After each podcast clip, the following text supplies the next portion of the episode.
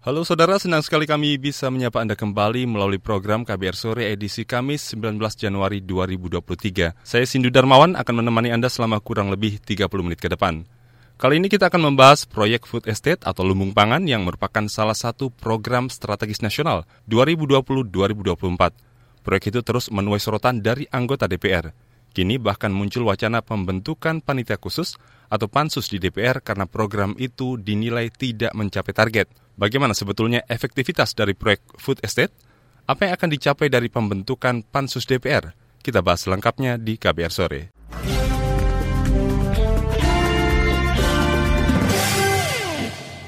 Saudara Komisi Bidang Pertanian di DPR terus memantau pelaksanaan program Food Estate atau program lumbung pangan pemerintah. Ketua Komisi Pertanian DPR Sudin menyebut program ini tidak mencapai target. Bahkan banyak ditemukan data palsu dalam proyek ini. Komisi Pertanian DPR berencana membentuk panitia kerja atau panja untuk mendalami kasus ini.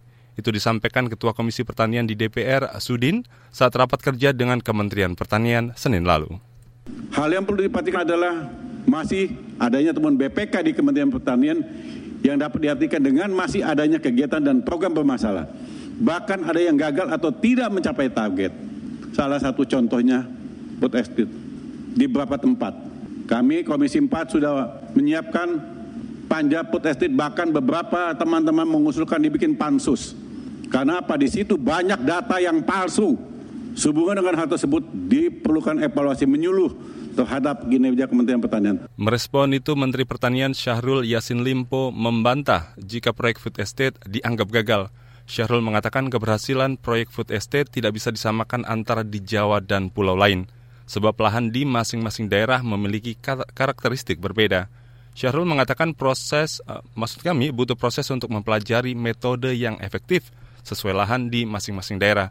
Sementara itu Menteri Pertahanan Prabowo Subianto memastikan proyek food estate akan terus dilanjutkan. Sejak 2020, Presiden Jokowi menunjuk Prabowo sebagai penggerak proyek ini. Progresnya apa? juga dilaksanakan.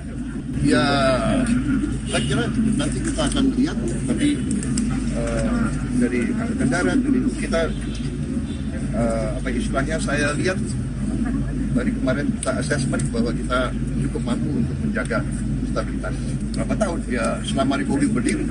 Itu tadi Menteri Pertahanan Prabowo Subianto. Saudara kalangan istana turut buka suara terkait rencana DPR membentuk panitia kerja atau panitia khusus food estate. Deputi Bidang Pertanian Kantor Staf Presiden Edi Priyono mengatakan, pemerintah menghormati mekanisme dan proses yang berlaku di DPR. Saat ditanya mengenai evaluasi program itu, Edi menolak permintaan wawancara dari KBR dengan alasan masih rapat. Dia menyarankan untuk menghubungi kementerian lembaga yang terkait dengan program food estate. Saudara pemerintah sempat memilih tiga daerah untuk menjadi lokasi lumbung pangan, yaitu Sumatera Utara, Kalimantan, dan Nusa Tenggara Timur. Di Kalimantan Tengah pada 2020, pemerintah menyulap ratusan ribu hektar hutan lindung dan gambut menjadi lahan yang ditanami padi dan singkong. Namun menurut catatan LSM Lingkungan Greenpeace, proyek itu terbengkalai. Saat ini Presiden Jokowi berambisi mengubah lahan-lahan di sejumlah daerah menjadi lumbung pangan.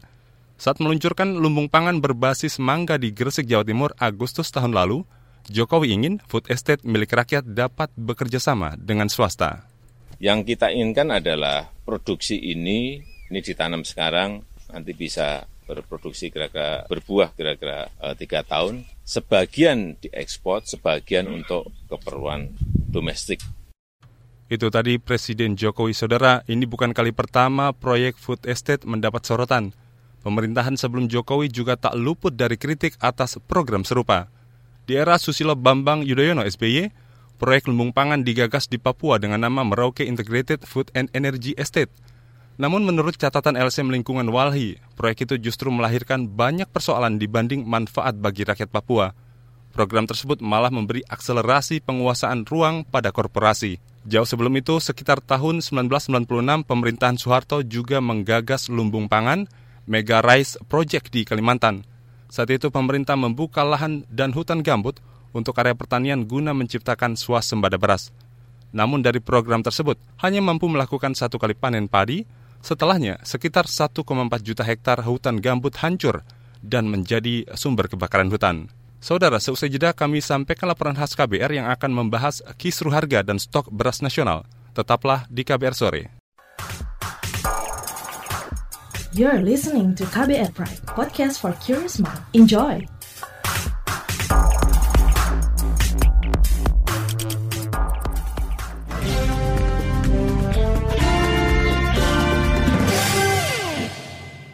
Saudara ketahanan pangan menjadi isu prioritas sejak satu dekade terakhir. Beras menjadi salah satu komoditas pangan utama yang menjadi sumber karbohidrat bagi rakyat. Lantas seperti apa ketahanan pangan khususnya beras pada tahun ini? Selengkapnya kita simak laporan khas KBR disusun Reski Novianto.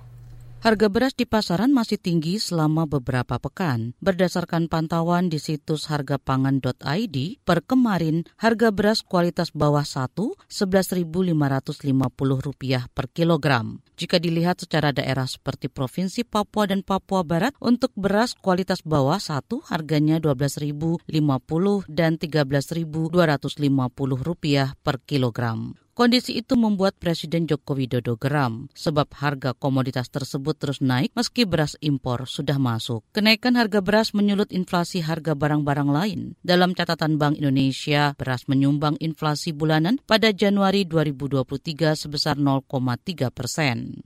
Hati-hati dengan yang namanya kenaikan beras. Udah kita sekarang memang harus bekerjanya detail seperti itu. Apa yang naik di lapangan? Beras. Saya sudah dua hari yang lalu memperingatkan Bulog untuk masalah ini. Karena di lapangan 79 daerah beras mengalami kenaikan yang tidak sedikit.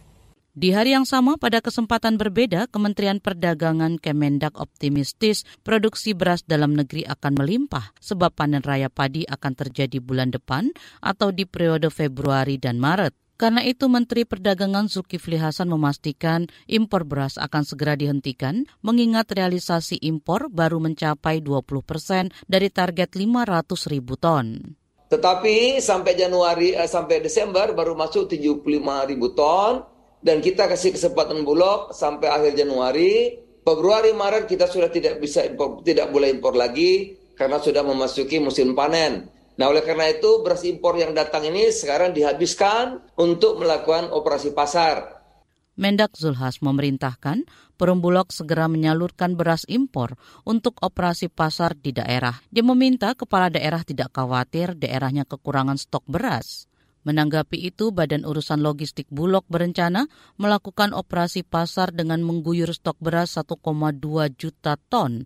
Hal itu dilakukan untuk menjaga stok dan harga beras di tingkat konsumen selama 2023. Operasi pasar diputuskan melalui keputusan Badan Pangan Nasional. Selain itu, Direktur Utama Bulog Budi Waseso memastikan tidak ada lagi beras impor yang masuk ke Indonesia pada panen raya beras Maret 2023 hasil daripada proses rapat kabinet terus ditindaklanjuti dengan rakortas tiga kali Pak dan itulah akhirnya Bulog ditugaskan untuk menyerap 500 ribu ton dari dalam negeri untuk CBP dan import 500 ribu ton.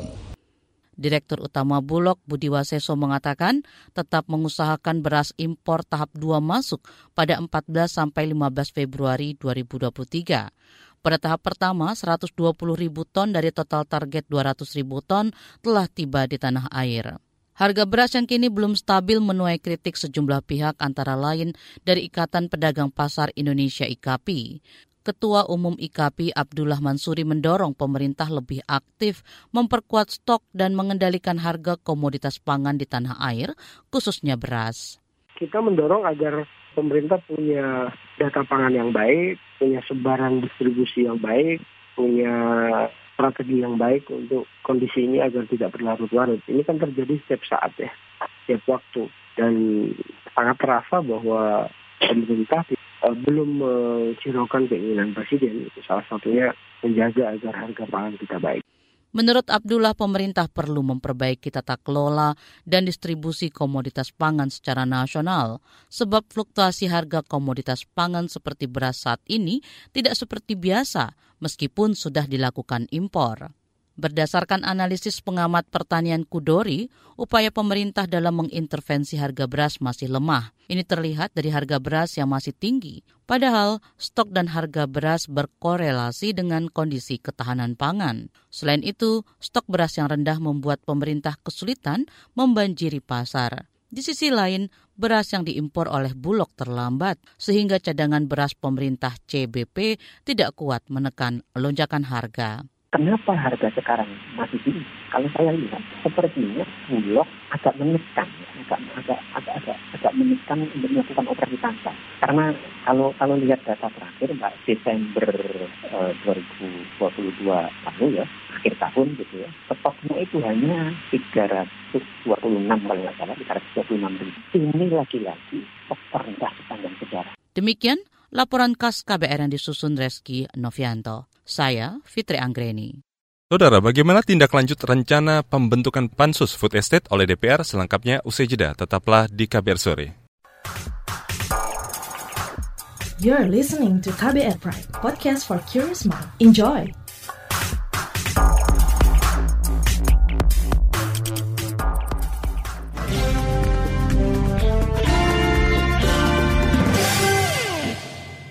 Saudara anggota Komisi Pertanian DPR dari fraksi PKS Selamat mendukung rencana pembentukan pansus untuk mengevaluasi program food estate. Dia menilai program itu bermasalah dan tidak efektif. Dengan adanya pansus, anggota Dewan bisa mengevaluasi program itu mulai dari perencanaan hingga eksekusi di lapangan. Menurutnya perlu evaluasi segera dilakukan karena menyangkut masalah ketahanan pangan rakyat Indonesia. Berikut wawancara jurnalis KBR Astri Septiani dengan anggota Komisi Pertanian DPR Selamat. Bagaimana tindak lanjut dari rencana DPR untuk membentuk pansus food estate? Lalu apa alasan DPR mendorong adanya pansus ini? Ya, jadi sebenarnya gini, kalau panja sendiri belum efektif, Mbak ya. Jadi saya udah lama, eh, justru saya yang awal mengusulkan untuk diketemu panja karena memang melihat ketidak-efektifan program ini gitu. Apalagi ditambah memang temuan BPK kan ini resmi ya, sekitar 800 miliar ada masalah di situ terlepas dari semuanya bahwa memang di lapangan saya melihat eh, program ini eh, antara anggaran yang dianggarkan dengan hasilnya tidak tidak berbanding lurus. Oleh karena itu penyelesaiannya ya harus dengan eh, panja saat itu. Tetapi eh, terus terang saya sampaikan tidak ada respon yang cukup bagus. Tapi kemarin tahu-tahu di Raker muncul usulan untuk pansus ya mangga saja memang kalau melihat dari konstruksi masalah ini tidak di satu komisi ya mungkin saja itu ya secara prinsip saya juga mendukung yang penting eh, keberadaan program ini uang rakyat bisa efektif dan juga eh, lebih eh, memberikan hasil untuk ketahanan pangan kita. Di awal tahun kemarin kita sudah usulkan, tapi saya terus terang jadi nggak ada respon dari komisi sendiri nggak ada respon, mbak. Hmm. Jadi kok tahu cukup-cukup muncul uh, usulan pan, uh, pansus mungkin dilihat oleh pimpinan masalahnya lebih kompleks gitu ya. Jadi kalau saya sih dari awal ingin diselesaikan dulu karena proses panja itu akan lebih sederhana untuk untuk terusnya gitu mbak. Tapi kalau memang ini digulirkan ke panja eh, ke pansus ya secara prinsip eh, ketika memang niatnya untuk menyelesaikan masalah ya nggak ada masalah kita secara prinsip kita um, saya mendukung saja begitu. Lalu apa tujuan dari pembentukan pansus food estate? Apa yang akan diselidiki dan dievaluasi oleh DPR melalui pansus tersebut? Kita akan telusuri dari sisi perencanaan. Kalau saya melihat kan ini eh, program yang dari apa tidak perencanaan yang matang. Jadi seolah-olah dapat dari mimpi kemudian jadi program. Dari sisi perencanaan kita akan evaluasi, kemudian proses pelaksanaannya dan tentunya hasil yang didapatkannya. Saya melihat, saya sendiri sudah pernah ke lapangan, sangat-sangat tidak efektif dan saya terus pekan depan ini kita beberapa komisi empat juga akan ke lokasi yang dulu pernah kita sambangin di awal proses penganggaran ini, sekarang hasilnya seperti apa. Ini udah berarti tahun kemarin saya ke sana, tahun ini kita akan ke sana lagi. Kita melihat untuk memastikan bahwa memang proses uh, politik dengan panja ataupun pansus memang dibutuhkan setelah kita melihat uh, kondisi yang real yang ada di lapangan. Gitu Mbak. Karena ini terkait dengan ketahanan pangan Mbak. Kita nggak ingin main-main lah dengan ini urusan perut uh, seluruh anak bangsa kita. Ada uang yang serba terbatas ini jangan sampai kemudian ada yang tidak efektif apalagi sampai kemudian e, disalahgunakan seperti itu mbak. Lalu berapa kira-kira kerugian negara yang ditanggung akibat ketidakberhasilan pelaksanaan food estate? Iya, kalau dari temuan BPK sekitar 800 sekian miliar mbak. Ya, jadi eh, angka itu menurut saya juga cukup besar karena ini menyangkut eh, terkait dengan program ketahanan pangan eh, negara kita. Jadi gitu jangan sampai kemudian programnya nggak jelas, kemudian eh, proses ketahanan pangan kita akan terganggu. Jadi temuan resminya BPK begitu. Eh, 800 itu yang akan kita coba ditelusuri. Mbak. Kemudian apakah catatan dan dorongan dari DPR kepada pemerintah terkait proyek food estate ini? Iya, jadi gini, kalau memang niatnya untuk ketahanan pangan kita support, tapi jangan dianggarkan tanpa ada evaluasi. Saya eh, setuju seperti yang sampaikan Mbak, evaluasi dulu baru kemudian kita akan tentukan dilanjutkan atau tidak. Ini menurut penilaian DPR gagal, tetapi anggaran terus ada, terus terang dengan judul-judul yang berbeda, Mbak. Gitu. Jadi kemarin sudah sekarang tahun ini muncul eh, apa eh, program pertanian terpadu. Nah hal-hal begini ini kan hanya ganti judul pada esensinya sama dan program itu menurut kami gagal ya sehingga eh, evaluasi dulu deh dan kita akan tekankan di rapor itu eh, kita akan minta dan terus terang kita sudah lama minta hasil evaluasi program ini outputnya seperti apa sih dan kita belum pernah mendapatkan itu mbak. Itu tadi perbincangan jurnalis KBR Astri Septiani dengan Selamat, anggota Komisi Pertanian DPR dari fraksi PKS. Saudara pemerintah diminta belajar dari kegagalan proyek food estate di masa lalu. Lalu apa saran dari pengamat agar proyek itu berhasil mewujudkan ketahanan pangan? Selengkapnya sesaat lagi di KBR Sore. You're listening to KBR Pride, podcast for curious mind. Enjoy!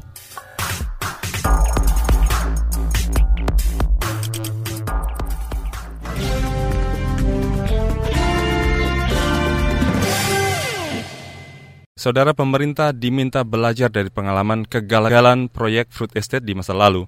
Pengamat pertanian Dwi Andreas Santosa mendorong pansus yang akan dibentuk DPR nanti agar melacak riwayat kegagalan food estate di era sebelum Jokowi. Dwi Andreas menyarankan agar ke depan pemerintah membuat rencana jangka panjang supaya proyek food estate berhasil. Pemerintah juga harus membuat definisi dan pemetaan lokasi yang jelas mengenai food estate. Menurut Andreas, proyek food estate akan terus gagal jika tidak sesuai dengan kaidah-kaidah ilmiah. Apa saja kaidah yang dimaksud dan bagaimana supaya cita-cita ketahanan pangan terwujud? Kita simak perbincangan jurnalis KBR Astri Yuwanasari bersama Guru Besar Institut Pertanian Bogor IPB Dwi Andreas Santosa. Apa gitu Pak yang perlu didorong untuk dievaluasi terkait dengan proyek food estate ini gitu Pak? Iya, yang pertama terkait kegagalan food estate itu bukan hanya kali ini. Itu yang harus sebagai catatan. Hmm. Seluruh food estate sejak 25 tahun terakhir ini, ini gagal. Karena apa? Saya sendiri terlibat di food estate tahun 96 yang proyek gabus 1 juta hektar itu. Itu gagal. Kan? lalu tahun 99 proyek tersebut dihentikan oleh pemerintah lalu diadakan pemulihan lingkungan. Dan ya walaupun itu juga tidak berhasil karena sudah terlanjur pusat benar. Nah lalu kemudian pada masa SBY dikembangkan tiga food estate. Yang satu tahun 2008 itu Merauke Integrated Food and Energy Estate. Tahun 2008 itu hanya bagi-bagi lahan untuk 37 perusahaan. Besar itu luasnya 1,23 juta hektar. Lalu kemudian tahun 2013 ada dua food estate juga yang dikembangkan uh, di masa uh, pemerintahan mereka um, itu di Ketapang 100 ribu hektar dan di Gunungan 300 ribu hektar. Itu semua juga gagal. Lalu kemudian di pemerintah saat ini di awal tahun 2015 uh, dikembangkan lagi food estate uh, yang disebut sebagai Merauke Red Estate 1,2 juta hektar juga gagal. Dan jadi kalau kita melihat kegagalan itu sesungguhnya ya tidak tidak hanya ya pemerintah sekarang saja terkait estate itu sepanjang 25 tahun itu gagal semua kan? Jadi kalau mau membentuk panja mau membentuk pansus ini kan kepentingan politik sebenarnya kan? Ketika pembentukan itu ya sudah dilacak saja sekalian kan? Sejak zaman tahun 1996 kan? Ngapain harus nanggung untuk food estate saat ini kan? Itu pertanyaan besarnya. Karena kan itu ya banyak partai yang terlibat juga di food estate sebelumnya kan? Sebenarnya kenapa sih Pak uh, proyek ini banyak proyek yang justru justru gagal gitu. Ada modus-modus apa gitu di balik ini gitu Pak kalau Bapak membacanya? Sebagaimana sering saya sampaikan di berbagai media, ada empat kaidah ilmiah yang dilanggar dalam pengembangan lahan pertanian skala besar. Kan? Uh, karena yang food estate terakhir-terakhir ini berbelok nggak karuan. Asal proyek pertanian dicap sebagai food estate, padahal tidak.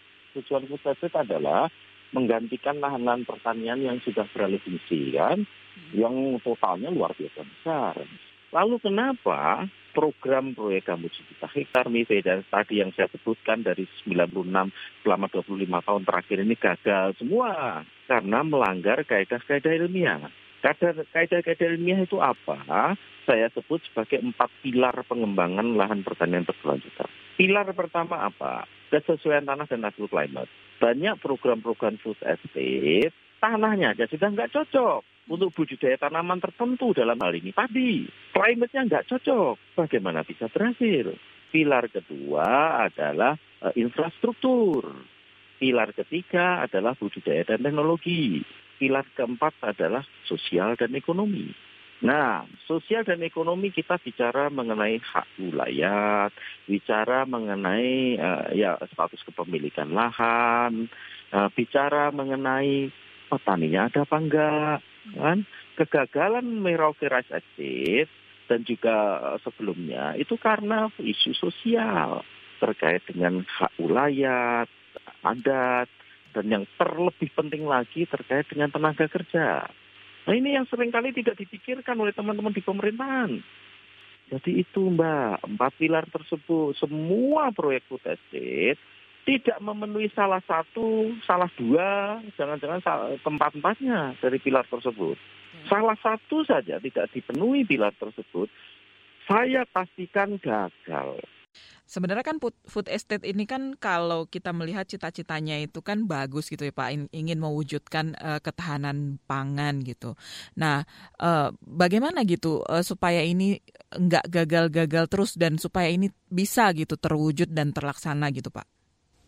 dari sisi misi, visinya sangat bagus dan sangat perlu. Untuk itu seharusnya ada semacam GPHN, kan?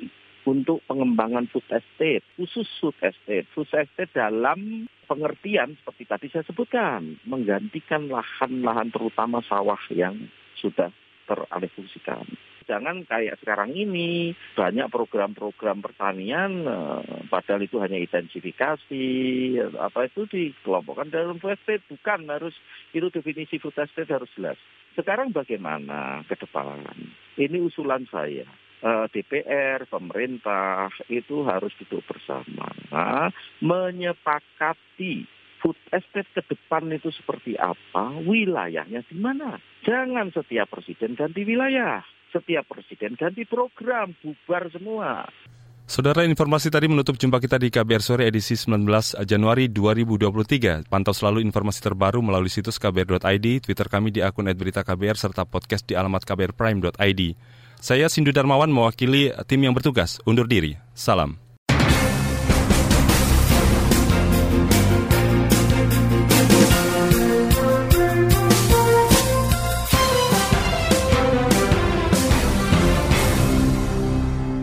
KBR Prime, cara asik mendengar berita. KBR Prime, podcast for curious mind.